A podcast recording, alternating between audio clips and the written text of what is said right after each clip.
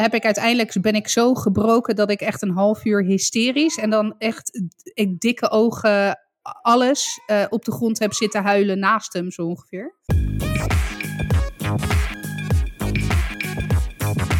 Hey, welkom. Leuk dat je luistert naar Dit is 30. Dit is aflevering 100! Zo.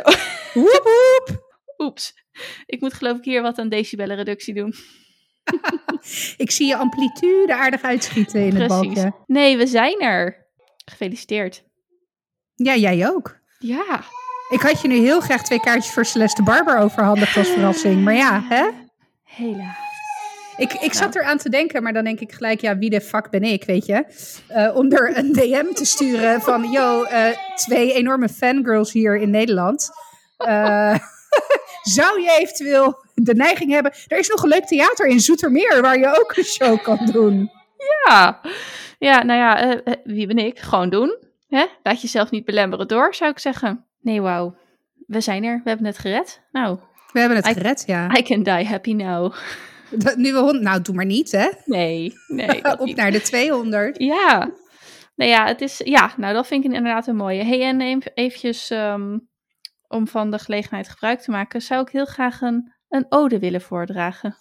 Een ode? Ik heb een nou. kleine ode geschreven.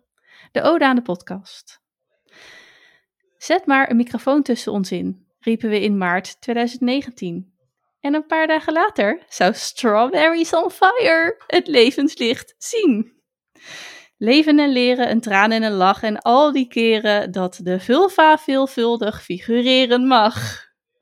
Onze fijne gasten zo eerlijk en open, we hadden niet voorzien dat het zo goed zou lopen. De tongbrekende titel moest het raam uit en snel. Dit is 30, werd het dan wel. We werden 1, 2, 3, 4, 5, 6 en 37 jaar. zijn dus voor nog zeker drie jaar niet klaar. Ik maakte door deze podcast van mijn hobby mijn werk. Door onze jarenlange ervaring, je steun bij alle gekke experimenten en plannen die ik verzon en alles wat we daarvan leerden, sta ik daarin sterk. Last but not least kreeg onze vriendschap een diepgang van heb ik jou daar. Door alles wat we bespreken, luchtig en zwaar. Aflevering 100 is wat ik vandaag tel. Lieve Gaia, uit de grond van mijn hart, dankjewel. Oh, nou moet ik janken. Ja, ik ook. Oh, nee, maar dit is echt... Nee, deze podcast, lieve luisteraars ook, want we zitten hier helemaal in onze eigen verliefde bubbel naar elkaar te staren.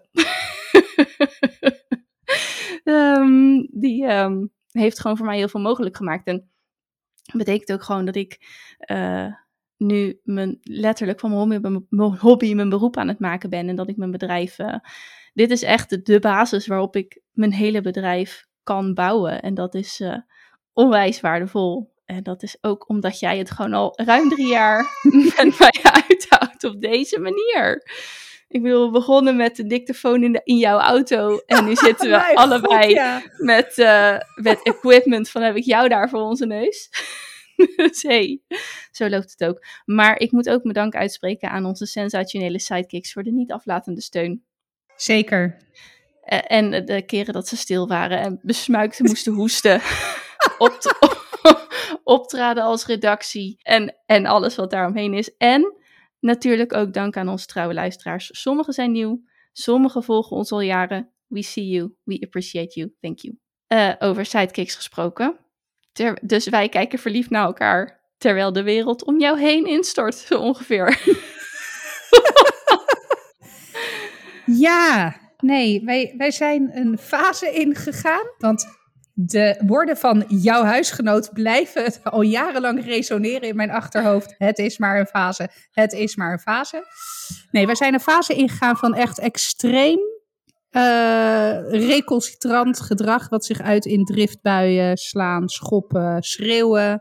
Dus lieve luisteraars, als jullie af en toe een nou, driejarig stemmetje op de achtergrond horen, uh, dan is dat uh, omdat uh, mijn huisgenoot de kinderen op bed aan het leggen is en de jongste daar niet van gediend is. dus nee, dit, dat heeft inmiddels wel echt vormen aangenomen. Nou, ik, ik zal even een voorbeeld schetsen. Op maandag en vrijdag breng ik de kinderen naar school, omdat Frank dan naar kantoor gaat inmiddels. En ik moet zeggen, normaal gesproken was Milo eigenlijk bij mij echt wel goed te handelen Op een of andere manier kon ik de goede knoppen zeg maar indrukken bij hem. Maar blijkbaar zijn die dagen ook vervlogen. Want ik heb afgelopen maandag, nou, door een massive driftbui, omdat hij niet naar school wilde of naar het KDV. heb ik uiteindelijk ben ik zo gebroken dat ik echt een half uur hysterisch en dan echt ik, dikke ogen alles uh, op de grond heb zitten huilen naast hem zo ongeveer. Uh, omdat ik het niet meer wist. Ik, uh, ik wist niet meer wat ik moest doen. Ik wist niet meer ik wist het gewoon niet meer. Ik, uh, ik wist echt niet meer wat, ik, wat ik kon doen om hem tot bedaren te brengen. Dus ja, ik heb uiteindelijk een half uur hysterisch lopen janken. Daar was hij wel van onder de indruk, want het kwam ook echt uit mijn tenen. En dat was een, het was uiteindelijk, ik ben er echt, want het gebeurde dus gisteren, want we nemen een keertje op dinsdag op. Um, ik was echt tot op mijn ziel geraakt door mijn eigen onmacht en ook hoe naar ik werd naar hem. En en toen dacht ik echt, ja, maar dit, dit, is, dit staat heel ver van mijn eigen normen en waarden en hoe ik in, in uh, het ouderschap sta, zeg maar. Of hoe ik het zou willen, vorm zou willen geven. Maar er, er is gewoon een breekpunt waarin ik nou ja, ik heb ook geschreeuwd tegen hem en hem, nou ja, net even iets te hardhandig op de bank geduwd om hem aan te kleden. En nou ja, net zoals weet je ook met aankleden, dan gaat hij zo tekeer. Ik heb echt een enorme trap in mijn gezicht gehad. Oh, ja, ja, en op een gegeven moment ja. moest, ik zijn, moest ik wel zijn ledematen klemmen. Ja, en ik heb geen enorme nagels, maar ik heb wel wat nagels aan mijn handen zitten. Ja, en dan, dan, dan een hele kras op zijn been, omdat, ja, omdat hij uit mijn houtgreep glipt. En, en hij is een partij sterk ook, jongen. Dat is echt bizar. Ik krijg hem gewoon, en nou, oprecht hè, of ik moet het echt met grof geweld doen, maar ik hou hem niet in bedwang. En nou ja, het was, kijk, ik, ik kom ook natuurlijk, en dat herken jij denk ik ook met jullie oudste, of tenminste hè, met Mason. Dat, ik heb dit echt nog nooit met Zeno meegemaakt. Die had ook wel eens een driftbuitje. Nou, ik durf hem eigenlijk niet eens meer een driftbuit te noemen, wat, wat hij deed. Maar dit is zo van een andere categorie. En ik, ik zit echt met mijn handen in het haar. Ik denk, ja, alle nou ja, geëikte trucjes met, nou ja, ik ooit begonnen met time-outs. Nou, toen ook ergens gelezen dat dat ook niet, hè, dat als dat niet werkt, dat je juist een time-in moet doen. Dus weet je, beschikbaar blijven voor je kind, maar wel duidelijk grenzen aangeven. Ja, weet je, ik kan anderhalf uur naast hem gaan zitten en volhouden. Eh, ik wil niet dat je me slaat, want je doet me pijn. Of ik wil niet dat je me schopt, want je doet me pijn. Maar ja, hij, hij is gewoon compleet door het dak. En, en heel eerlijk, ik, ik was gisteren, nou ja, goed, gisterochtend ben ik echt ingestort. Maar ook echt, nou ja, ik ging hem ook brengen bij het KDV. We waren dus echt laat. We kwam, kwam pas om kwart voor tien aan bij het KDV. Omdat ik, nou ja, dus vanaf acht uur tot dan bezig was geweest met de driftbui en hem naar school krijgen. En die, die, die juf, die zag het ook aan me. Want die, die zei eerst een beetje zo grappig van... Uh, oh, lekker uitgeslapen vandaag. Dus ik keek, er, keek er aan. Ik zeg, nou, ja, zoiets. En ze keek me aan en ze zag meteen. Dus ik probeerde een soort van verhaal, maar ik kwam niet meer uit mijn woorden. En dus ze keek me aan. Ze zegt: Rustig maar. Komt goed, we gaan er een leuke dag van maken. En toen zei ze ook tegen Milo: Krijg mama nog een knuffel, weet je wel? Dus nou, ik kreeg toen bij Gods gratie wel nog een knuffel. En toen kwam ik thuis en ik had ook om tien uur meteen uh, een afspraak van drie uur lang. Dus daar echt nou ja, me doorheen geworsteld. En daarna ging het lampje uit. Ik was compleet, echt completely drained. Maar echt dat ik ook tegen Frank zei s'avonds. Ik zeg, ik kan me niet meer heugen wanneer ik me zo heb gevoeld. Zo mentaal gebroken. Ja, wat voor mij in dit verhaal vooral bijblijft, is dat je zegt dat je. Want ik ken jou ook als heel. Eh, nee, dit is niet het goede woord, maar open naar de kinderen toe. Ze kunnen eigenlijk uh, je, je geeft ze heel veel speelruimte. Ja, ik ben, uh, ja, klopt. daar ben je, maar dat, is, dat gaat je natuurlijk af. Dus waar ik soms echt mezelf nog uh, niet zozeer tot de orde moet roepen, maar dat ik dan echt even bewust moet denken: hey, dit is ander gedrag, dit is nieuw gedrag, kan dus ook, is allemaal prima. Gaat dat jou gewoon, gaat dat, dat zit gewoon in jou, dat je van, je vindt het eerder interessant dan dat je daaraan moet wennen, laat ik het zo zeggen. Dus het feit dat je inderdaad ineens een, zo'n keiharde beperking op nou ja, moet leggen, maar ook dus uiteindelijk dus buiten jezelf. Maar dat het gewoon zo ver buiten jouw eigen natuurlijk, buiten jouw eigen natuur gaat.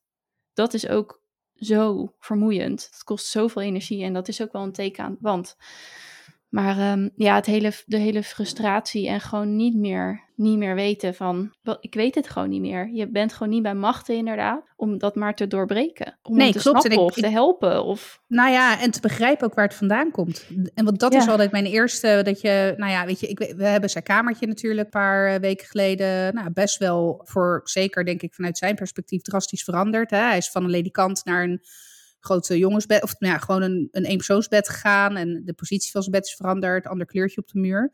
Dus ik dacht eerst nog, nou, daar heeft hij de eerste paar nachten echt wel wat moeilijker mee gehad. Nou, maar dat kon ik verklaren, weet je. Dat vind ik allemaal, ja, snap ik. En, maar goed, dat omslagpunt was daar niet aan gelinkt. Want ik ben daar echt over terug en denk van, is dat dan, weet je wel, hetgene geweest wat hem over die edge heeft... eh, maar dat, eh, dat is het niet. Het enige wat ik me nog zou kunnen voorstellen is dat hij cognitief gewoon echt toe is aan groep 1.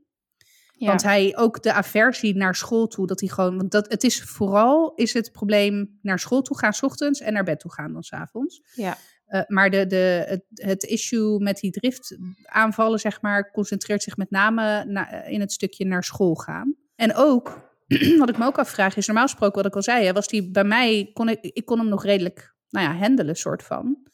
Ja, dat is nu ook ineens helemaal, eh, ik ben ook gewoon persona non grata inmiddels eh, geworden. ja. En ik vind het ook zo zielig, want je ziet aan hem dat er, er is zo'n brok aan frustratie. ja.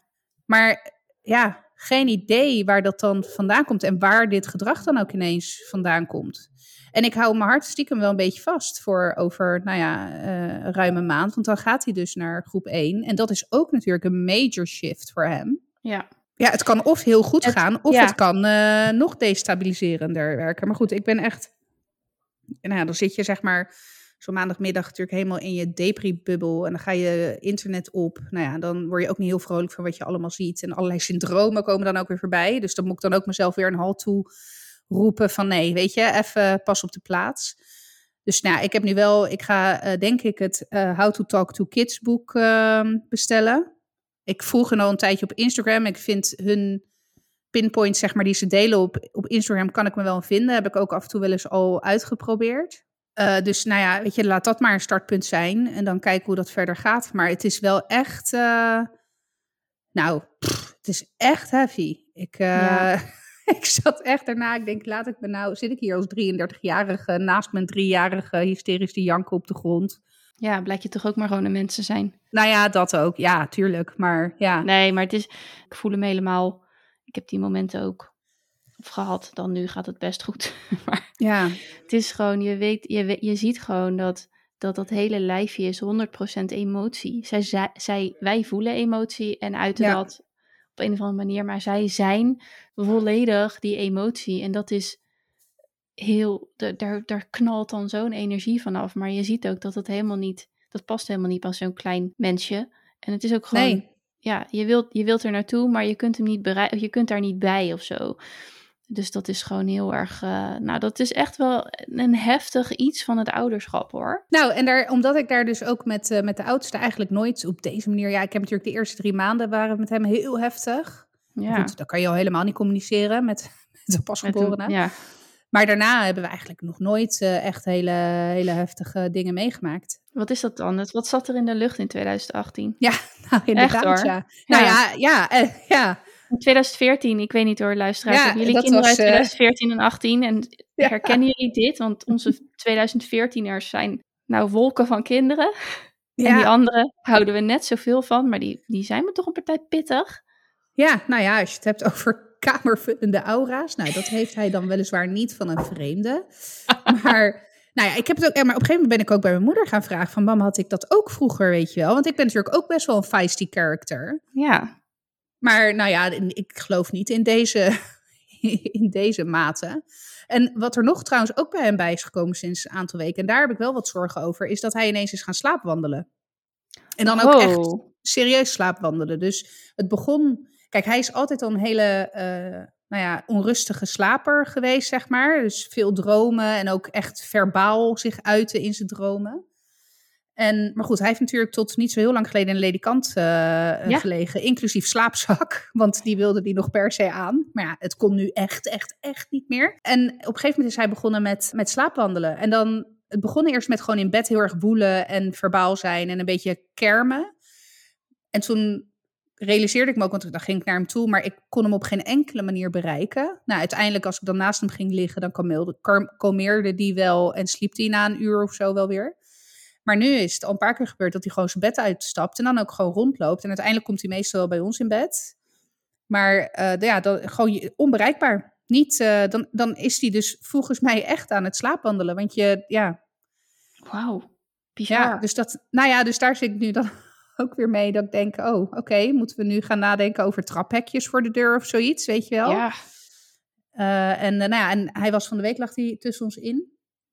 En uh, nou, toen werd ik gewoon wakker van zijn tandenknarsen. Oh ja, oh, dat doen ze bij mij ook, ja. Dat vond ik zo bizar. En, en toen, toen dacht ik, wat is dit? Wat is dit? Dus nou ja, heel hard tandenknarsen. Maar wat hij ook deed, en dat vond ik eigenlijk heel zielig, is op een gegeven moment, hoorde, dan was hij aan het tandenknarsen en hoorde je ineens een harde klap, alsof zijn kaak dus dichtklapte. En dan ging die onwijs klemmen. Maar zo, want op een gegeven moment ging ik het voelen aan zijn wang. En die mhm. hele wang stond strak gespannen van het kaakklemmen. Ja, toen dacht ik ook, ik denk, jezus, wat ben jij veel aan het verwerken s'nachts blijkbaar. Ja, ja. Maar goed, dus het, laat ik het zo zeggen, we hebben rustigere tijden gehad. Ja. En, maar ja, uh, heb, kijk, ja. Ik, dat hij toe is aan een andere omgeving en een uitdagendere omgeving, dat zou zo klaar als een klontje kunnen zijn. Maar ja, dat is natuurlijk ook, dat, daardoor zou je ook een soort tunnelvisie kunnen krijgen van nou, dit is het dan. Maar bij het KDV hebben ze ook niet echt iets van een aanknopingspunt of zo. Nee, nee ze, ze hebben wel gemerkt, hè, ze noemen hem ook wel pittig, weet je wel. Eh, dat, nou ja. en ze hebben ook al wel een aantal keren zo'n driftbui meegemaakt, waarin die dus ook in zo'n driftbui onbereikbaar is voor hen. Maar dat heeft nog niet de vormen aangenomen. In ieder geval, we hebben nog geen escalatiegesprek of ik voor wat gehad, weet je wel. Nee. Ze hebben wel het stukje ontwikkelingsvoorsprong, maar eigenlijk al een jaar geleden hebben ze dat ter sprake gebracht. Uh, en daar wordt hij dan ook extra op uitgedaagd. Um, dus ja, weet je, ik ben heel benieuwd. Ik heb toevallig vandaag de school gebeld. Want hij gaat dus, nou ja, hij, was, hij wordt 15 mei 4. Dus dan moet hij naar ja. school en ik had nog niks gehoord. Nee. En er zit natuurlijk ook twee weken meivakantie nog tussen. Ja, inderdaad. Ja, dus ik, uh, ik had vanochtend maar gebeld. En uh, ik weet wel in welke klas hij zit. Nou, ik ben erg blij met de juf. Ik heb nog niet persoonlijk met haar te maken gehad. Althans, zij is volgens mij in het eerste jaar dat Zeno in groep 1 zat, was zij zeg maar de parttime juf op de parttime dag van zijn eigen juf. Maar zij heeft gewoon een goede vibe. Gewoon stevige tante. Uh, dus daar heb ik wel vertrouwen in. Maar goed, dit zijn wel dingen waar ik nou ja, uh, al op wil voorsorteren voordat ja. hij zijn eerste stap daar de klas in heeft gezet. Want we hebben ook nog steeds het puntje zindelijkheid. Uh, oh. wat, wat nog een dingetje is ik moet wel zeggen, hij heeft nu al een paar dagen achter elkaar dat hij echt het aangeeft. En dat hij dan ook s'avonds nog een keertje naar de wc gaat en gaat poepen op de wc. Ik moet wel zeggen, de manier waarop hij op een wc klimt, dan zit ik hem af en toe aan te kijken dat ik denk, oké, okay, ik vind hier van alles van, maar Gaia, hou je bek. Ja, precies. Ja, vooral niks, want, want dan, dan hè, dit, hè, hij doet het. Nou ja, ja, ik weet niet hoe hoor, maar Louis die ging eerst de, de verkeerde kant op zitten, zeg maar. Ja, ja dat, deed, dat doet hij dus ook. Ja, nou Gaat ja, hij, dan... zeg maar, soort van op, alsof hij op een paard zit, zeg maar. Nou, ja, en hij gaat gewoon, hij ging gewoon met zijn neus naar de achterkant van de wc. Ja. Maar ja, weet je, het komt in hetzelfde gat terecht en het werkt. Ja. Dus op het KDV keken ze daar ook, uh, want ik zei zo van, ja, nou ja, hij uh, kan nu wel op de wc klimmen, maar, maar goed, Louis was, was, was nog, nou, hij was, nog, nou, hij was net geen drie. Dus, en, en die was motorisch ook niet super ver vooruit. Dus dat zag er ook helemaal niet uit natuurlijk. Maar toen zeiden ze echt dat, dat, dat ze dat echt wel vaker zagen. Oh, oké. Okay, okay. ja, ja. Doet hij het toch zo? Oké. Okay. Ja. Ja, ik zag het. Ik denk, en ik denk, wat ben jij aan het doen dan? Ik denk, joh, het zal wel. Je gaat naar de wc. Ik uh, zip het. It's fine. Precies. dus ja, ik, uh, ja ik, ik weet niet. Ik, ben, uh, ik, het, ik, hoop, ik hoop echt dat het hem zit in het stukje eh, uitdaging. En dat we dan misschien na nog een, een kort periode van nog heftiger, daarna in wat rustiger vaarwater komen. Daar heb ik al mijn hoop op gevestigd. Ik denk wel dat uh, Frank en ik werk aan de winkel hebben met betrekking het opladen van onze batterij. Nou. Zodat, zodat wij allebei beter in staat zijn om hiermee te kunnen dealen. Dus ja, daar, daar hebben we het ook al over gehad. En nou ja, daar, daar moeten we gewoon, ja, daar moeten we gewoon echt over nadenken. Van joh, hoe kunnen wij ervoor zorgen dat we Um, ook als we alleen zijn, want als we samen zijn, dan doen we een soort van tag team, weet je wel. Als de oh, een ja. niet tot hem ja. doordringt, dan, nou ja, weet je. Dus dan verdeel je het nog. Maar ja, er zijn ook gewoon momenten waarop we alleen zijn met hem. Ja, en om te voorkomen dat hij of ik iedere keer, nou ja, goed, in dit geval was ik het hoor, maar in een soort van hysterische helbui beland, waardoor ik een, bijna een hele dag niet meer functioneer. eh, zitten we wel eraan te denken, joh, ja, we moeten ook wat, uh, wat in gaan bouwen voor het opladen van onze batterij. En wat we ook, waar we het ook over hebben gehad, want ik merk inmiddels ook dat het uh, zijn invloed heeft op Zeno. Mm -hmm, want mm, ja, weet je, hij, Milo trekt op dit moment, zuigt zoveel energie en aandacht van ons op, dat, ja, dat is het eeuwige verhaal over dat de brave kinderen, hè, een soort van achtergesteld worden. Dus daar hebben, we, daar hebben we het ook over gehad dat we daar wel alert op moeten zijn. En dat we ook genoeg ruimte één op één met Zeno in moeten blijven bouwen.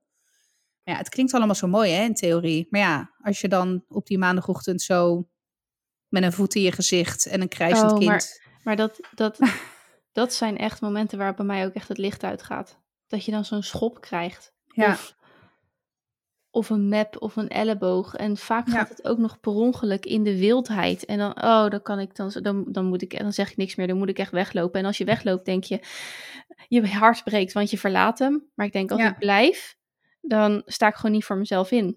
Nou ja, dat moment had ik dus maandag. Dat ik op een gegeven moment ging terugschreeuwen. Ja, En echt schreeuwen hoor. Dat, ik, ik ben er echt niet trots op. Maar dat je, dat je keel gewoon pijn doet.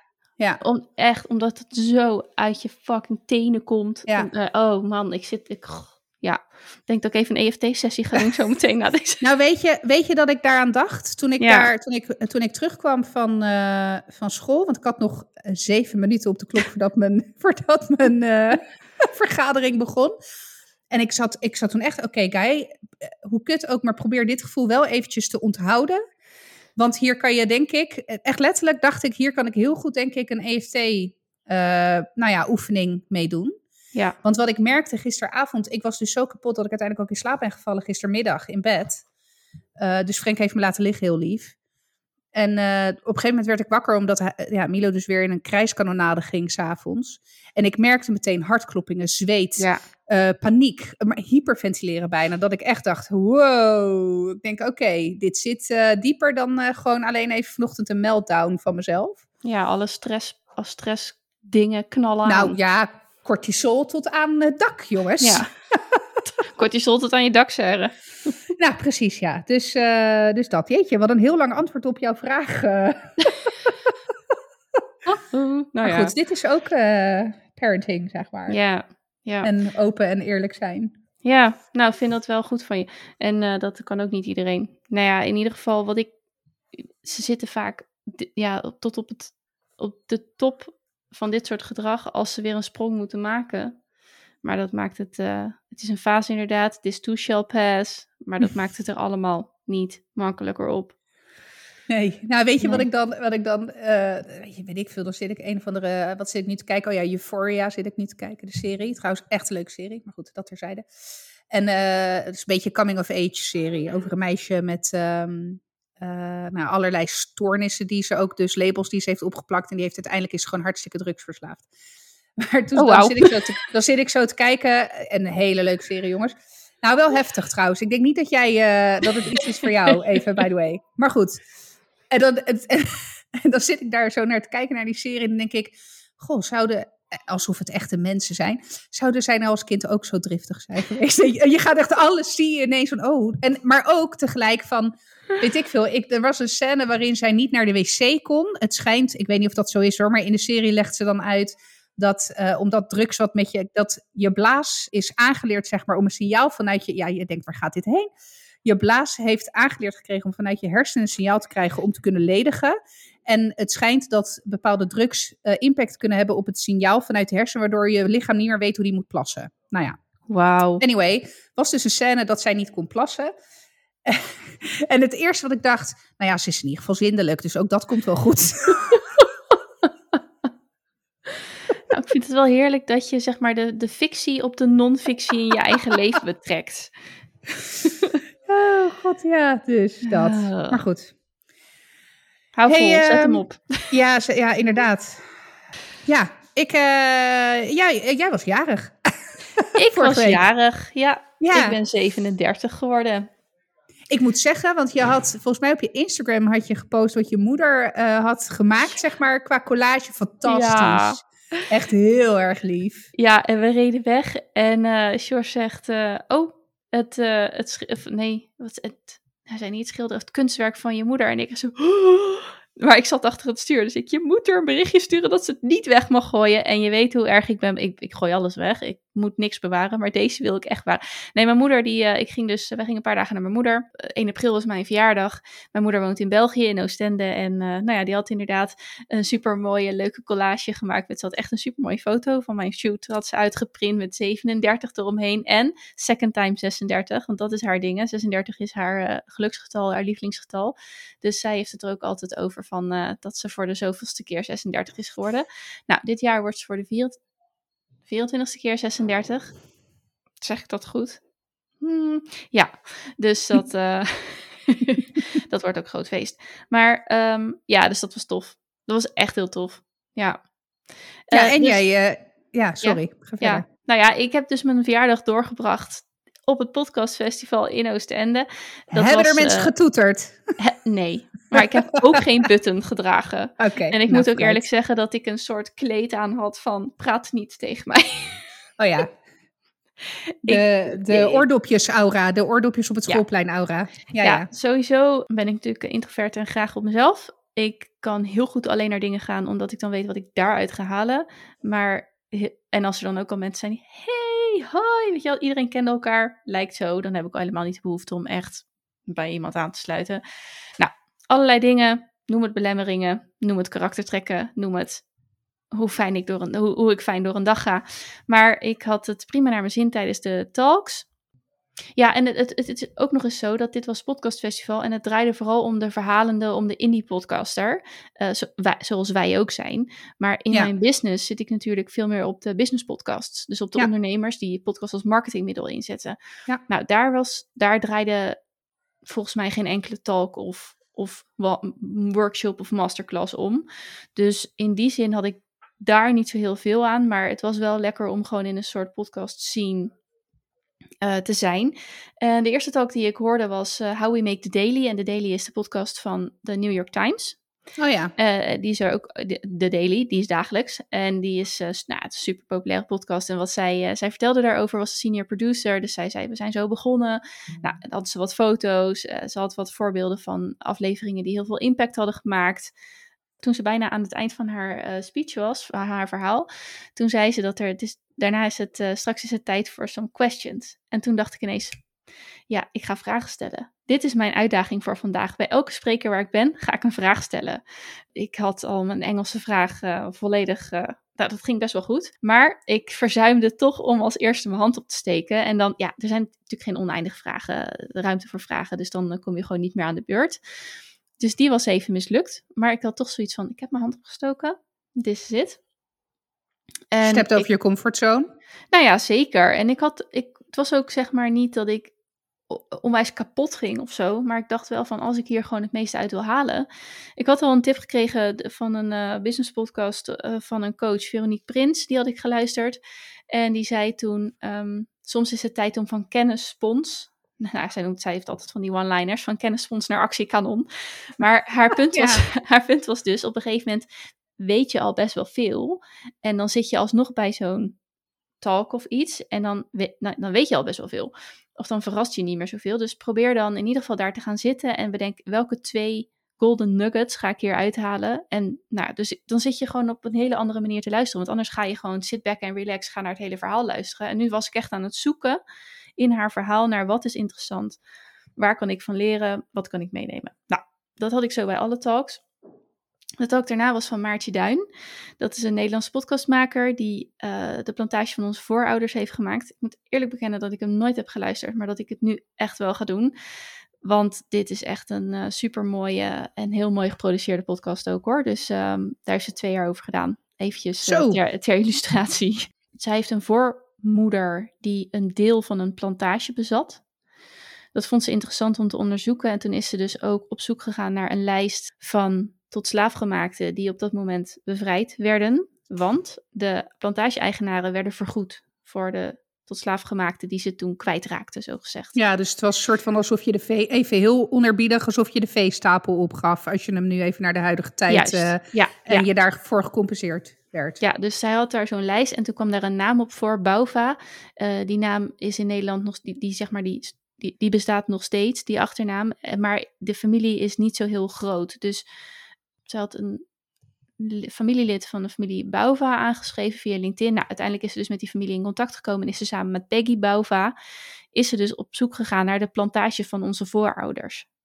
En nou ja, dat was een hele reis. Ehm, uiteindelijk, haar masterclass ging over hoe je dus omgaat met uh, gevoeligheden. Want ja, ja, zij was daar wel. Zij had het ook heel erg over. Ze zegt ja, en ik ging echt al die dingen van white guilt. Weet je wel, zij voelde zich zo schuldig, maar het draait natuurlijk helemaal niet omdat, white, omdat je vanuit die white gaze, nou, jij had ook echt zitten smullen van die masterclass, dat weet ik echt zeker. Dus als je die nog een keer kan gaan volgen, zeker doen.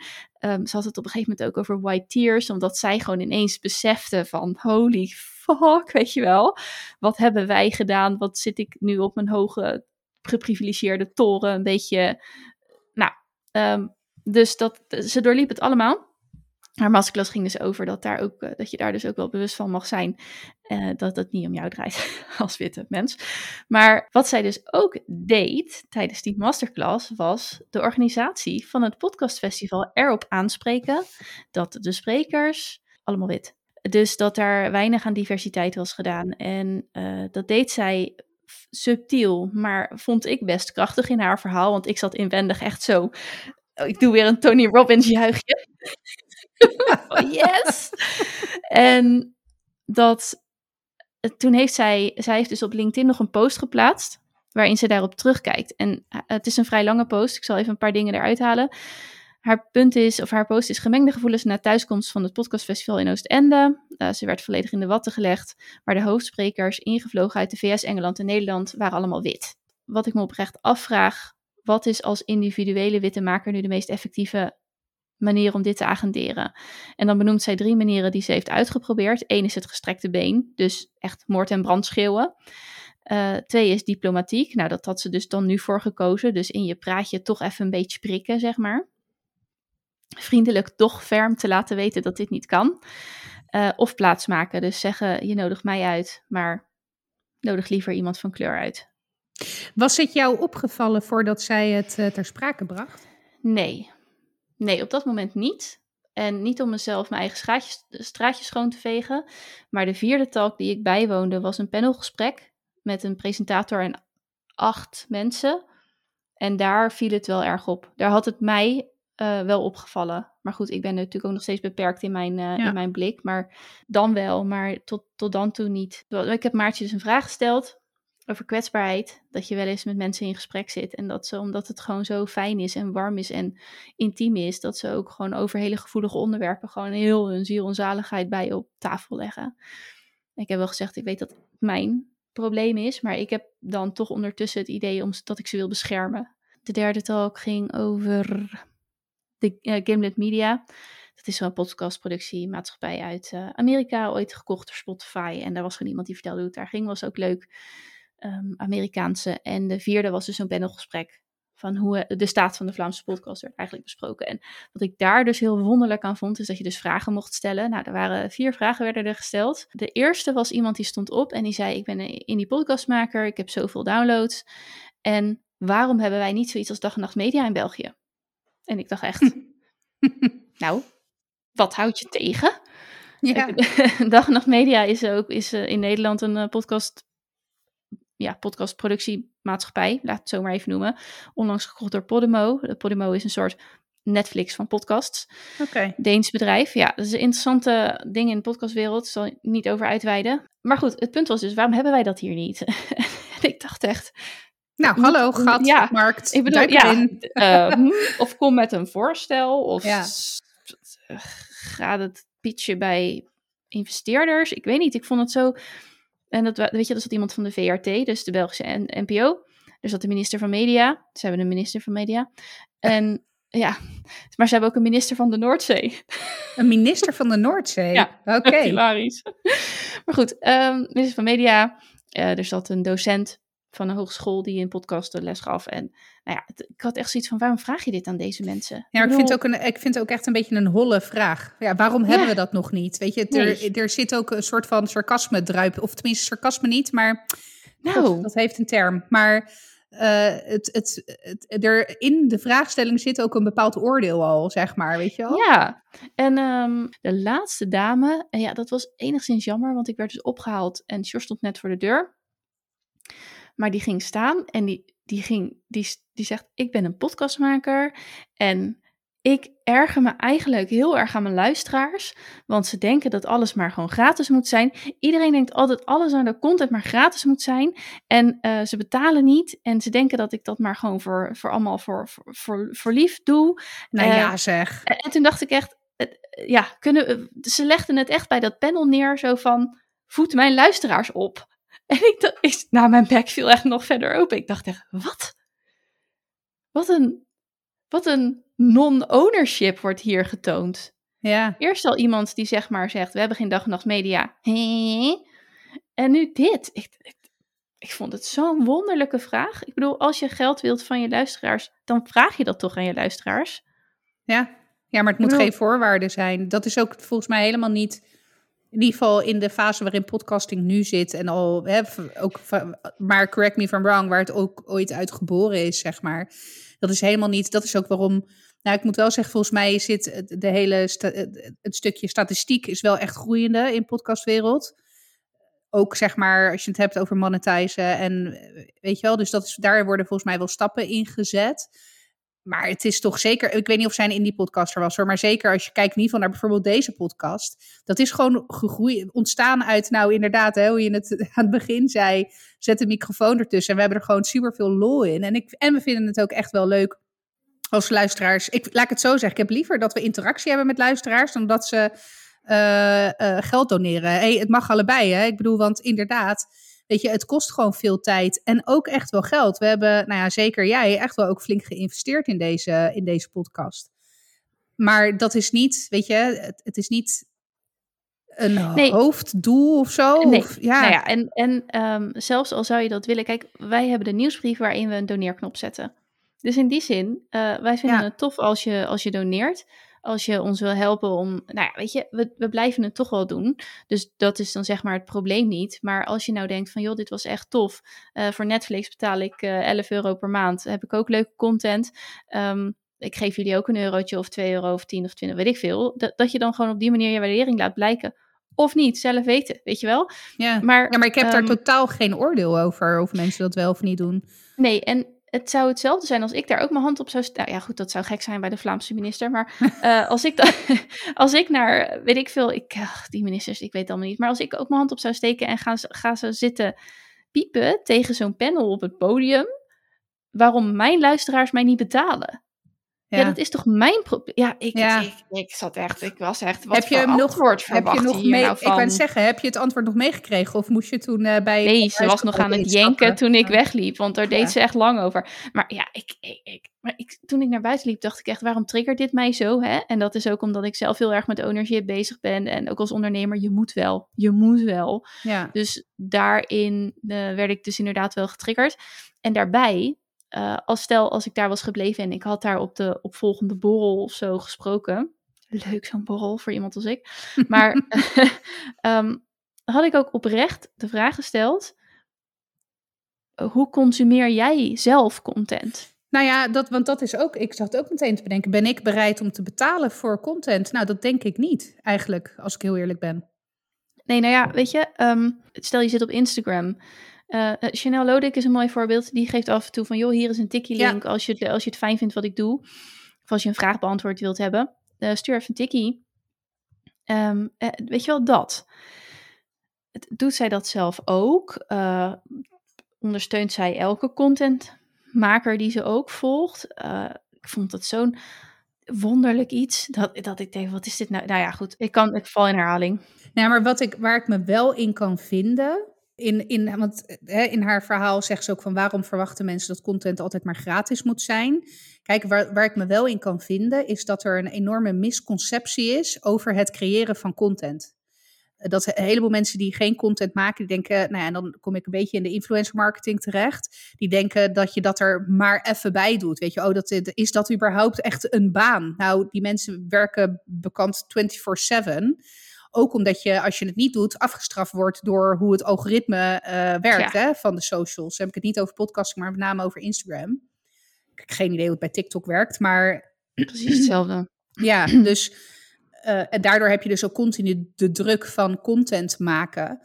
Uh, alleen zit het hem, weet je, is content een middel om bepaalde financiële doelstellingen te behalen? Hè? Dus gebruik je het als marketingmiddel, nou, als influencer op bepaalde samenwerkingen aan te gaan of om bepaalde producten, nou ja, goed, dat zijn samenwerkingen. Ik wil zeggen producten aan te prijzen, maar dat is de bekende hashtag ADV. die je op posts voorbij ziet komen. Dus gebruik je het op die manier? Of gebruik je het dus om je bereik te vergroten, om dus dan ook aantrekkelijker te worden? Want je bent gewoon een marketingkanaal. Hè? Ik bedoel, heel eerlijk. Het is gewoon de nieuwerwetse marketing waar we het over hebben. Ja, of, en dat is dan vanuit mijn visie als ondernemer, uh, gebruik je het als marketingmiddel om vervolgens een ander product te verkopen ja, van jezelf. Ja, ja. Dus als jij je business podcast maakt, dan leidt dat toe tot jouw, nou ja, uh, in mijn geval tot mijn premium aanbod. En dat is ja. mijn één op één traject van een aantal maanden waarin ik een ondernemer uh, coach om zelf een business, business podcast op die manier in te richten. Dus dat, dat is ook een manier om, ja, als je het dan toch over te gelden maken van je content wil, maar dat is vanuit een andere redenatie gedacht. Want dat is, ik heb dit aanbod en ik wil dat mensen me kennen, dat ze me liken. Het is no like and trust, zeggen ze altijd. Dus ze kennen je, ze leren je kennen, ze gaan je persoonlijk kennen, ze voelen verbinding en vervolgens gaan ze je vertrouwen van, is dit echt de persoon met wie ik wil werken? Nou, daar is een podcast echt fantastisch voor. Maar dat, dat hele, ja, bijna slachtofferschap ja. Ja, dat leek mij. Dus, ja, dus op die manier liep ik dus van dat podcastfestival weg. Dat ik echt dacht, wauw. Maar goed, ook zeker met de realisatie van waarom triggert mij dit zo. Het was op meerdere vlakken leerzaam. Wat zeg je dat toch mooi. En leuk om je verjaardag zo te vieren. Ja, nou ja, inderdaad. Ja, ja. nou ja. Ik heb uh, op uh, 1 april, want ja, 1 april ja. is natuurlijk ook de dag van 1 april, kikkeriebil wij kregen dus, oké, even een kleine sidestep. Ik was uh, daarom lieve nieuwsbriefontvangers was de nieuwsbrief. Ik verzin iedere keer een ander excuus hè, waarom de nieuwsbrief later is. Maar Geen in probleem. dit geval zat ik Dan moeten jullie maar betalen, mensen. Precies, dan kan, ik, dan kan ik mijn echte baan opzeggen en leven van dit sterker. Precies, juist. Maar um, ik, ik uh, zat donderdag en vrijdag ergens op de Veluwe, omdat ik twee dagen training uh, moest geven. En ik kreeg donderdagmiddag kreeg ik een berichtje op Paro uh, dus even de context. Ik was dus met allerlei nou ja, nieuwe collega's en ook collega-trainers uh, op die locaties. Of op die locatie. En ik kreeg een paroberichtje. Ik was in gesprek met iemand. Dus nou, ik checkte. Of ik was eigenlijk aan het luisteren naar gesprek. Maar ik had mijn telefoon in dus ik checkte dat berichtje. En daar stond dat er was uh, gebleken dat nieuwe stoelen die geleverd waren, die zouden, die versplinterden allemaal. Of tenminste, hè, er, er kwamen splinters op het zitgedeelte. Dus er zou iemand langskomen om naar te kijken. Maar of vanaf morgen, dus 1 april, iedereen, alle kinderen een kussentje mee uh, wilde nemen voor die stoelen. En ik ging daar los op, jongen. Ik zeg, jezus, kunnen ze niet eens normale stoelen kopen? En wat is dit voor ongein? En toen dacht ik helemaal, shit, en ik ben er niet. En heeft Frank dat berichtje wel gelezen? Want Zeno moet dan blijkbaar morgen een kussentje meenemen. En ik dacht alleen maar, ik heb helemaal geen, geen kussentjes. ik ging er echt volledig op in echt geen seconde erbij stilgestaan dat dit uiteraard een 1 april grap was. en ik weet niet eens, maar volgens mij vrijdagmiddag of avond toen ik thuis kwam, toen bleek dus dat het een 1 april grap was. Nou, en ik voelde me zo fucking dom, jongen. Ik dacht echt, oh jezus, Kaya. En ik ben ook echt zo goed gelovig als je het maar, als, weet je, eh, je kan mij van alles wijs maken. Dus ik neem dat ook gewoon echt meteen aan. Maar ik ging er zo vol op zijn Gaia's op in, met al mijn collega's om me heen. Het was echt gênant. Nou, mooi. Ja, bij ons was er, was er ook iets. Maar ik moet zeggen dat ik sinds de laatste paar jaar ben ik er echt beducht op. Nou is 1 april wel een datum die bij mij natuurlijk altijd wel in Ja. beeld is. Ja. Maar eh, ik heb me daar ook zo af en toe door in de luren laten leggen. Dat ik, maar je wordt er ook een soort cynisch van. Hè? Dus te- tegen 1 april begin je al zeg maar een soort van te bracen. Van met wat voor onzin gaan ze me nu weer om de oren slaan. ja. Dus eh, nou ja, goed. Dat, eh, dat, dat, dat gebeurt me weinig meer, moet ik zeggen. Maar nou, er waren wel weer. Uh, ik vond het is wel een leuk grapje. En ik vind het heel grappig om te bedenken dat jij er zo over los bent gegaan. Ik ben er echt vol ingestonken. Ik bedoel, not proud. Maar hebben ze, heeft hij een, heeft hij een kussentje meegenomen? Nee, Zeno niet, geloof ik. ik. Ik kijk even de redactie hier aan. Schat, heeft Zeno 1 april een kussentje meegenomen? Nee. Nee, die heeft geen kussentje Hij had hem wel door. Uh, blijkbaar had hij hem wel door, ja. Ik, uh, ja. Maar goed. Nou, ik, uh, blijkt toch de juiste ouder thuis geweest te zijn. Precies. Nou ja, inderdaad. dus nee. Hey, maar je hebt een live training gegeven. Was dat voor het eerst? Nou, het was voor het eerst live training, ja. Voor, ja. voor sinds in ieder geval. Ik heb vroeger wel live trainingen gegeven, maar vroeger. maar wel voor het eerst in mijn in deze huidige carrière die ik nu heb. Mm -hmm. En dat was intens, moet ik zeggen. Want het was twee dagen met dus ook een overnachting. Ja, super intens, maar heel erg leuk. Echt heel erg leuk om te doen. Het, het ja, je, je, moet je voorstellen, het is een groep van... Uh, we hadden 14 deelnemers. Nou, de gemiddelde leeftijd is 25, zeg maar. Dus ja, heel erg jong en gemotiveerd en heel, heel erg eager, weet je wel, om te leren. Maar ja, je kan je voorstellen, nou, als dat de gemiddelde leeftijd is twee jaar lockdown, corona, niks, nooit naar buiten mogen. mogen. Ja, en nu ineens met allemaal jonge honden bij elkaar op kosten van de baas ook een bar hebben in dat hotel die, uh, nou ja, waar je gebruik van kunt maken. Dus nou, het was, uh, het was echt, ik voelde me af en toe uh, nou, meer kampleidster, s'avonds dan. Oh, ja. Dat ik echt, we gingen uiteindelijk de bar sluit dan om 12 uur. Dus nou ja, dan gaat iedereen terug naar de hotelkamers. En we waren verdeeld over, uh, over twee nou ja, gebouwen, zeg maar, met hotelkamers. En uh, de grap is, mijn oud-manager, dus degene die mij ooit heeft aangenomen en die voor mij op de allerhoogste voetstuk ooit staat, uh, zij trainde dus een andere groep. Dus ze kwam op een gegeven moment naar me toe, ze zegt, Kai, dit is niet altijd zo hoor. maar goed, dus uh, we, gingen we gingen terug naar de kamers. En nou ja, wij waren ook normaal gesproken taaien als trainer, zeg maar wel halverwege de avond zo'n beetje af. Ga je gewoon lekker je eigen ding doen op je hotelkamer. Ook om die nou ja, mensen een beetje hun eigen ding te laten doen zonder dat ze het gevoel hebben dat er een trainer de hele tijd meekijkt. Nou, dit kon in dit geval zeg maar niet. Alle trainers zijn echt tot op het laatste minuut zijn ze daar gebleven. oh, was het zo erg? Ja, het was wel, uh, het was wel intens, ja. En, uh, maar goed, dus iedereen was terug naar de kamer. En ik stond nog buiten met dus mijn oude manager nog uh, een peuk te roken. Uh, ook een beetje met het idee, we blijven nog even vijf minuutjes buiten staan. Want, nou, het klassieke, precies naar buiten en naar andere kamers toe, weet je, of naar het ja. andere gebouw. En ja hoor, we hadden er binnen drie minuten, hadden we er drie te pakken. Zo, waar ga je heen? Ja, uh, ik ga naar mijn kamer. Ik zeg, oh, welk gebouw slaap je dan? Ja, die. Ik zeg, uh, geef je sleutel eens. Want op de sleutel stond aangegeven in welk gebouw. Uh, ik zeg, volgens mij staat dat. ja, nee, ik moest nog even iets halen bij de hotel. Ah, oké, okay, weet je wel. Nou, en op een gegeven moment ben ik naar binnen gegaan. En er was nog wat movimento op de gang, zeg maar. Dus op een gegeven moment ben ik. Je weet altijd, er zit altijd zo'n alfa, weet je wel, in zo'n groep. Ja. Dus ik heb, ik heb die alfa even eruit getrokken. Ik zeg, joh, luister gast, je bent, jullie zijn allemaal volwassen. Ik ben niet jullie moeder of wat dan ook. Ik zeg, wat jullie nu nog willen doen, weet je, be my guest. Alleen één ding, er zijn ook gewoon mensen die nu wel gewoon graag willen slapen. Dus denk aan je volume. En, uh, en ten tweede, morgenochtend 9 uur sharp. En ik wil geen enkel excuus horen over dat jullie niet fit zijn. Zocht, hè, s'avonds een vent, s ochtends ook een vent. Ze waren volgende ochtend niet heel erg fris en fruitig. Maar nou ja, goed. En ergens weet je heel eerlijk, ik snap het ook wel. Als je het hebt, nou ja, wat ik al zei, super jong. Komen net uit twee jaar, uh, nou ja, corona-perikelen. Waarin überhaupt samenkomen in een grote groep not done was. Dus ja, als je dan. spannend. Ja, precies. Dus nou ja, ik. Uh, maar goed, vandaar dat ik wel een soort van kampleidster gevoel ook ja. af en toe had. En wat ik, wat ik dan zo bijzonder vind, kijk, het is wel gewoon een werksetting. Hè? Ik bedoel, het is niet dat je, het is niet een teamuitje. Of weet je wel, het is wel, het zijn drie intensieve trainingsdagen die gefaciliteerd worden door je werkgever. En, en daarin zat ik ook bijna te denken, joh, is dat dan een generatiedingetje of zo? Weet je, dat je niet die realisatie hebt van, ja, maar wacht even.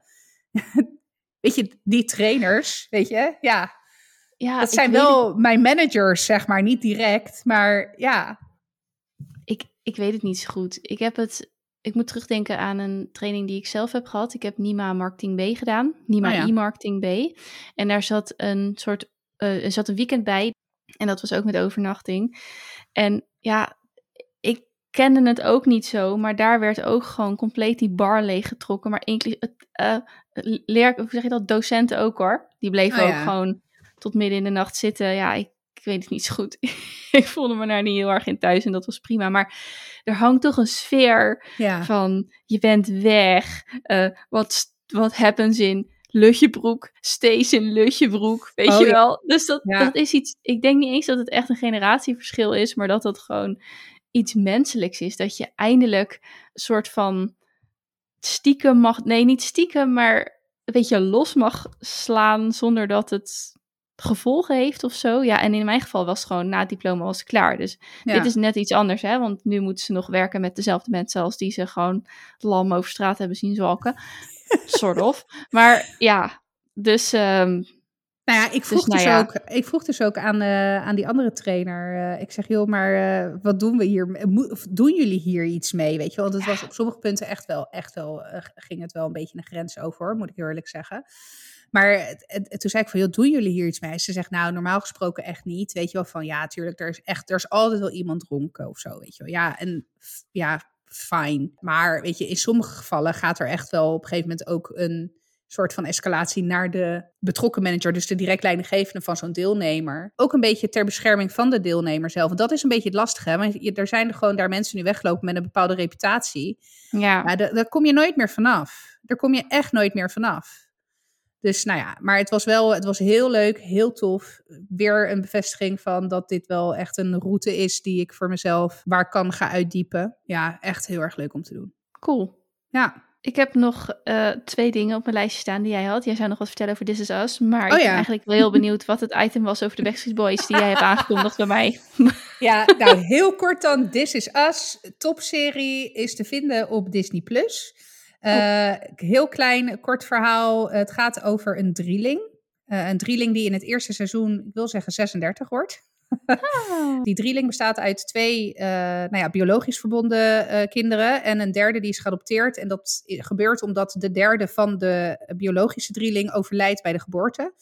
En die ouders die zien dan dus dat kindje en dat, dat een zwart kindje eh, in de, nou ja, de babykamer, zeg maar, wat dat vroeger had je al die baby's naast elkaar liggen. Ja, Maar dat was een te vondeling gelegd kind. Dus zij besluiten om eh, dat jongetje op te nemen in hun gezin. En zo ontstaat zeg maar de gezinsdynamiek van een drieling, waarvan één eh, van de drieling een zwarte jongen is. En de andere twee zijn wit. Het This Is Us is zeg maar neemt je mee in, met in, eh, flashbacks naar verschillende periodes, naar hoe zij gekomen zijn tot waar ze nu zijn op hun 36ste, maar ook vervolgens hoe dan die gezinsverhoudingen en familieverhoudingen zijn. En ja, het is een serie, ik heb tot nu toe, nou niet één episode niet gejankt Oh. van ontroering. is het waar gebeurd? Nee, nee, zeker niet. Nee, het is gewoon Nee. full fiction. Uh, maar het zit gewoon goed in elkaar. Weet Ja. je? De, de verhaallijnen zijn goed uitbedacht. Acteerwerk is goed. De, de cinematografie is goed. De timing, zeg maar. Dus hè, het verloop, het is... Ja, soms mag het iets versnellen, maar dat past dan wel weer helemaal in de, dy- dynamiek van het verhaal. En omdat het zich ook in verschillende periodes afspeelt, uh, dus in de 70s, 80s, uh, nou ja, hè, en tot aan nu, ja, is het ook gewoon vet qua klederdracht en qua, Oh ja. qua ambiance. Het is echt, echt een topserie, This Is Us. Echt heel erg, uh, heel erg leuk. Dus uh, dat. Oké, okay, fijn. Top. Een goede, Ja, goede, kijktip. Ja, ja, leuk. Goede kijktip. Maar jij wil weten van de Backstreet Boys. Zeker. Ik zit nou, op het puntje van mijn stoel. Op het puntje van je stoel. Nou, uh, dames en heren, ik wist dat dus niet. Maar de Backstreet Boys are back in town. Wauw, Backstreet's back. Backstreet's back, ja. En oh, oh, ik, weet, ik herinner me ineens dat jij inderdaad fan was. Ja, oké. Okay. Ja, Vandaar ja, die glimmende... Ik, ik, had Nick Carter boven mijn bed hangen. Oh, ja. jezus. Ja. ja, I know, I know. Maar uh, not, not one of my finest hours. Maar goed, anyway. Zij komen dus terug. Op 9 oktober geven zij een concert in de Ziggo Dome. Wel en, met z'n vijven? In plaats van vijf, die met z'n drieën? Ja, ik heb dus, dat is even, toen ik dat las, wil, wil, heb ik zeg maar de foto bekeken die erbij hoorde. Heb ik echt even geteld of ze, of ze er allemaal waren. Ja, ze zijn er allemaal. Uh, en uh, nou, eerst dacht ik, oh ja, grappig, leuk. En toen dacht ik daarna, uh, nee, nee. Ik zie mezelf daar echt niet als 30-plusser staan. Als gillende nee? keukenmeid, nee.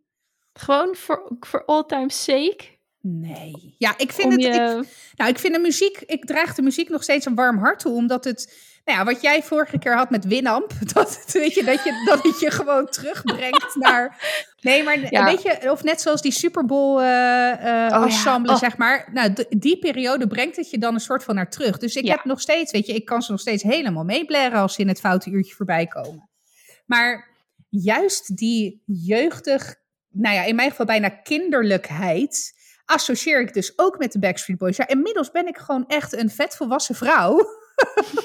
die, ja, laat ik het zo zeggen. Stel dat we ooit weer eens naar zo'n 90 Zeros feestje gaan en ze zijn er. Net zoals met, nou, de vijf wat er drie werden. Hé, hey, dan sta ik vooraan hoor. Dan uh, ben ik erbij.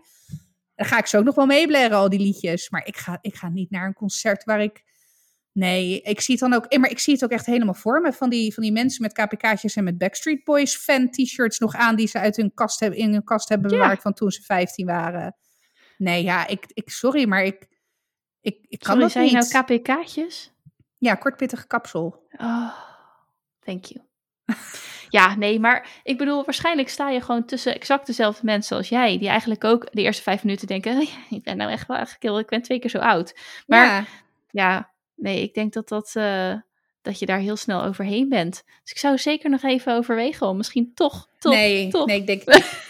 Nee, denk niet. Daar neem ik mezelf veel te serieus voor. Nee, nee maar, ja. maar ook, ze hebben ook volgens mij geen nieuwe muziek meer uitgebracht of zo. Althans niet, voor zover ik weet. Dus het is echt... Kijk, is het nou nog een band die weet ik veel, in de jaren daarna wel nog steeds gewoon, uh, nou, of nou, ik noem maar een voorbeeld, Justin Bieber, weet je wel, die is, dat is natuurlijk ook zo'n enorm icoon geweest voor hele jonge meiden, vooral. Maar die is wel muziek blijven maken en ook in zijn muziek enorm ontwikkeld. Ja, dat is waar. Die is ook nog wel relevant gebleven, ja. Zeker. En dat is, dat dan, weet je, uh, dan kan je op je twaalfde een belieber, heette dat geloof ik, zijn. Ja, inderdaad. Maar dat kan je dan op je dertigste nog steeds prima zijn, omdat jij mee ontwikkeld bent met de muziek, zeg maar. En dat, dat is denk ik een beetje de linking pin die ik mis met de Backstreet Boys. Omdat ik, het is zo 90s orientated. En nou ja, ik die mezelf associeer met die kinderlijke adoratie van een Nick Carter, weet je wel. Ja, ik kijk nu en dan denk ik, nee, ik geloof dat ik de vent die bij mij op de bank zit echt duizend keer aantrekkelijker vind dan jij. lijkt ook totaal niet op Nick Carter. Gewoon helemaal nee, niet. Nee, ver van. Ja, nee, maar nee, dat, ik snap dat wel ja, je hebt misschien ook helemaal geen zin in om in je pubernus teruggegooid te worden. Nee, alsjeblieft niet. Dat was echt een van de meest awkward fases van mijn hele leven. Ah, ja. Dus. Nou, laten we blij zijn dat dat voorbij is. Nou, inderdaad. Oh, de Backstreet Boys. Maar uh, lieve luisteraar, als jij nog wil gaan, uh, laat ons vooral weten of je gaat. Want er zitten vast Backstreet Boys uh, fans. kijk, ik was inderdaad ook, ik heb de Backstreet Boys zeer bewust meegemaakt. Maar ja, de zus van mijn beste vriendin was daar fan van, dus ik niet, weet je wel? Oh ja, was oh, dat, ja. snap je? Ja. Dus ik was vijf dan, want die kwamen dan een jaar later, weet ik Ja, ja maar dus, vijf was ik ook heel erg fan van, hè? Ja, nou, als ik ooit mijn Eurolon erin heb laten spuiten, dan Ja, gaan we dan gaan we. heb, je daar, heb je daar al een beslissing over genomen of nee, iets? Nee, ik ben nog steeds... Of ben je nog steeds aan het struisvogelen? Ja. ja. Ik heb wel twee keer aan gedacht deze week. Oké, Is dat nou wat? Goed. Ja, ik uh, reken het voor een half punt, een puntje goed. Over ownership gesproken. oh wel. Oké. Ehm, nou, we zijn aan het eind gekomen van aflevering 100. Oh, ja, jeetje. Ja. Of wil je misschien nog delen, wat heeft het jou gebracht? Want ik heb een ode gebracht en mijn hele bedrijf is hierop ge geënt. Met de betekenis die ik mijn leven op dit moment geef, geeft, komt voort uit het uh, beginnen met een, van een podcast met jou. Dus Zet daar maar eens tegenover. Ik zeggen, zet, zet je hier gewoon even lekker voor het blok. Nou, weet je wat in jouw verhaal, uh, in jouw oude, in jouw oude, ja ja, in jouw hm. ode naar mij toe het meest resoneerde, was uh, denk ik ook wel de intensivering van ons vriendschap. En ik ja. denk dat dat, um, wij hebben elkaar echt vanaf dag één dat we elkaar uh, hebben ontmoet, wel dat we elkaar aankijken. En soms weet je dat gewoon bij mensen dat je denkt, yep, ja, ja, van jou word ik gewoon gelukkig. Precies. En dat, dat heb ik vanaf dag één altijd wel uh, bij jou gehad. Maar dit is wel een andere, een, ja, een andere manier van, uh, van die vriendschap intensiveren, weet je wel. En ik, dat resoneerde vooral in, jou, uh, in jouw verhaal. En, en wat, ik, wat het mij heeft gebracht is wel, nou, ook wel een bepaalde ontwikkeling uh, in mezelf. In die zin, hè, de onderwerpen die we hebben besproken. En ik denk dat als je ook kijkt naar de eerste afleveringen ten opzichte van waar we het nu over hebben, dan zie je ook gewoon onze eigen ontwikkeling gewoon live. Ja, ja. Dus het is wat dat betreft ook wel een heel mooi naslagwerk. Uh, maar ook, en dat is ook iets wat het me heeft gebracht, een enorme realisatie als je het hebt over uh, diversiteit, inclusie, racisme. Hè, dat, ik moet eerlijk zeggen, dat is, die podcast is voor mij wel een katalysator geweest waarin ik me daar heel erg nou ja, niet heel erg, want nog steeds niet genoeg, maar wel meer in ben gaan verdiepen. En nou ja, het heeft echt mijn horizon verbreed. Uh, ja, die zo... heb jij wel, uh, wel echt aangeslingerd, inderdaad.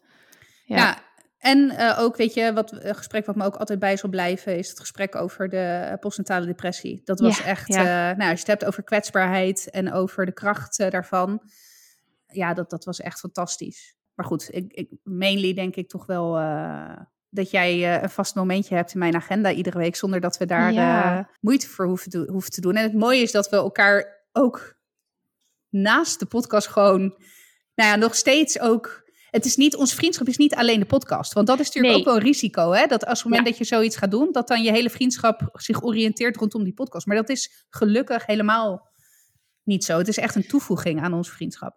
Ja, ja, nou ja, ik zeg het ook dat uh, het, als ik het erover heb, zeg ik altijd ook altijd van als je je vriendschap wilt cultiveren, wilt verdiepen, dan is samen een podcast beginnen echt perfect. Al luistert er niemand, dit ga je eruit halen. Ja. En uh, nou, er zijn echt inderdaad, ik kon heerlijk meeliften op de rabbit holes die jij uh, uitdiepte. En wat jij mij hebt geleerd is dat ik veel makkelijker praat over wat mijn gedachten zijn. Maar ik heb best wel lang in mijn eigen hoofd gezeten.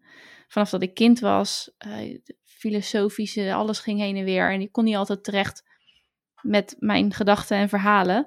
En dat heb je dus altijd een deel wat ik voor mezelf heb gehouden. En gedurende deze drie jaar is het voor mij veel makkelijker geweest om dat uiteindelijk te gaan delen. En om daar ook zeg maar niet terughoudend in te zijn, omdat ik dan bang ben om, bang ben om afgewezen te worden op een, iets geks, dat ik dan zou zeggen. Of iets waarvan ik zeg maar. Ik kan alles zeggen en ik krijg bij jou geen gezicht van wat wat zeg je, weet je wel? Er is altijd maar, wat zeg nieuwsgierigheid. Nou? ja. er is altijd nieuwsgierigheid en, en niet geen afwijzing. En dat is, uh, dat, dat is iets wat ik echt wel heb kunnen ontwikkelen daardoor. De uh, afleveringen die mij ook het best zijn bijgebleven zijn toch de afleveringen met gasten. Ik denk ook omdat we daarin ook echt diep ingaan op een thema en omdat we gewoon een uh, externe factor erbij hebben, waardoor we niet. Kijk, nog steeds verrassen wij elkaar met uitspraken of met inzichten. Maar het is toch, je weet een klein beetje van als ik dit erin breng, dan weet ik ongeveer hoe jij gaat reageren of waar je op aangaat en waarop niet. Uh, nou ja, je gaat bijna op alles aan. Maar. nee, maar dus, dus. En bij zo'n gast is er gewoon een externe uh, sti stimulus, zeg maar. Die, die het gewoon net even wat meer uh, prikkelt. Dus ik denk dat die bij mij ook het meest zijn bijgebleven waarbij het gesprek met, uh, met Q, met Quillen inderdaad ook ja, echt uh, ja, diepe indruk zeker, heeft achtergelaten. zeker. En uh, ik moet eerlijk zeggen, ik heb nooit teruggehoord. Ik, dat lukt ook mij een soort van niet. En um, gewoon omdat ik het ook op een bepaalde manier herinner en ik een beetje bang ben dat dat... dat ik dan veel te veel mezelf ga akkoorden, weet je wel. Nee, dus, dus nou ja, dan ook bij deze aan alle gasten, dat heb ik ook al in mijn ode gezegd Onwijs bedankt dat jullie er wilden zijn. En uh, wij gaan gewoon op naar de volgende 200 inderdaad. Zeker. Oké, okay. nou lieve luisteraars, ook jullie bedankt. Bedankt voor het luisteren naar deze aflevering weer. En jullie horen ons volgende week weer. Doei doeg! Doei!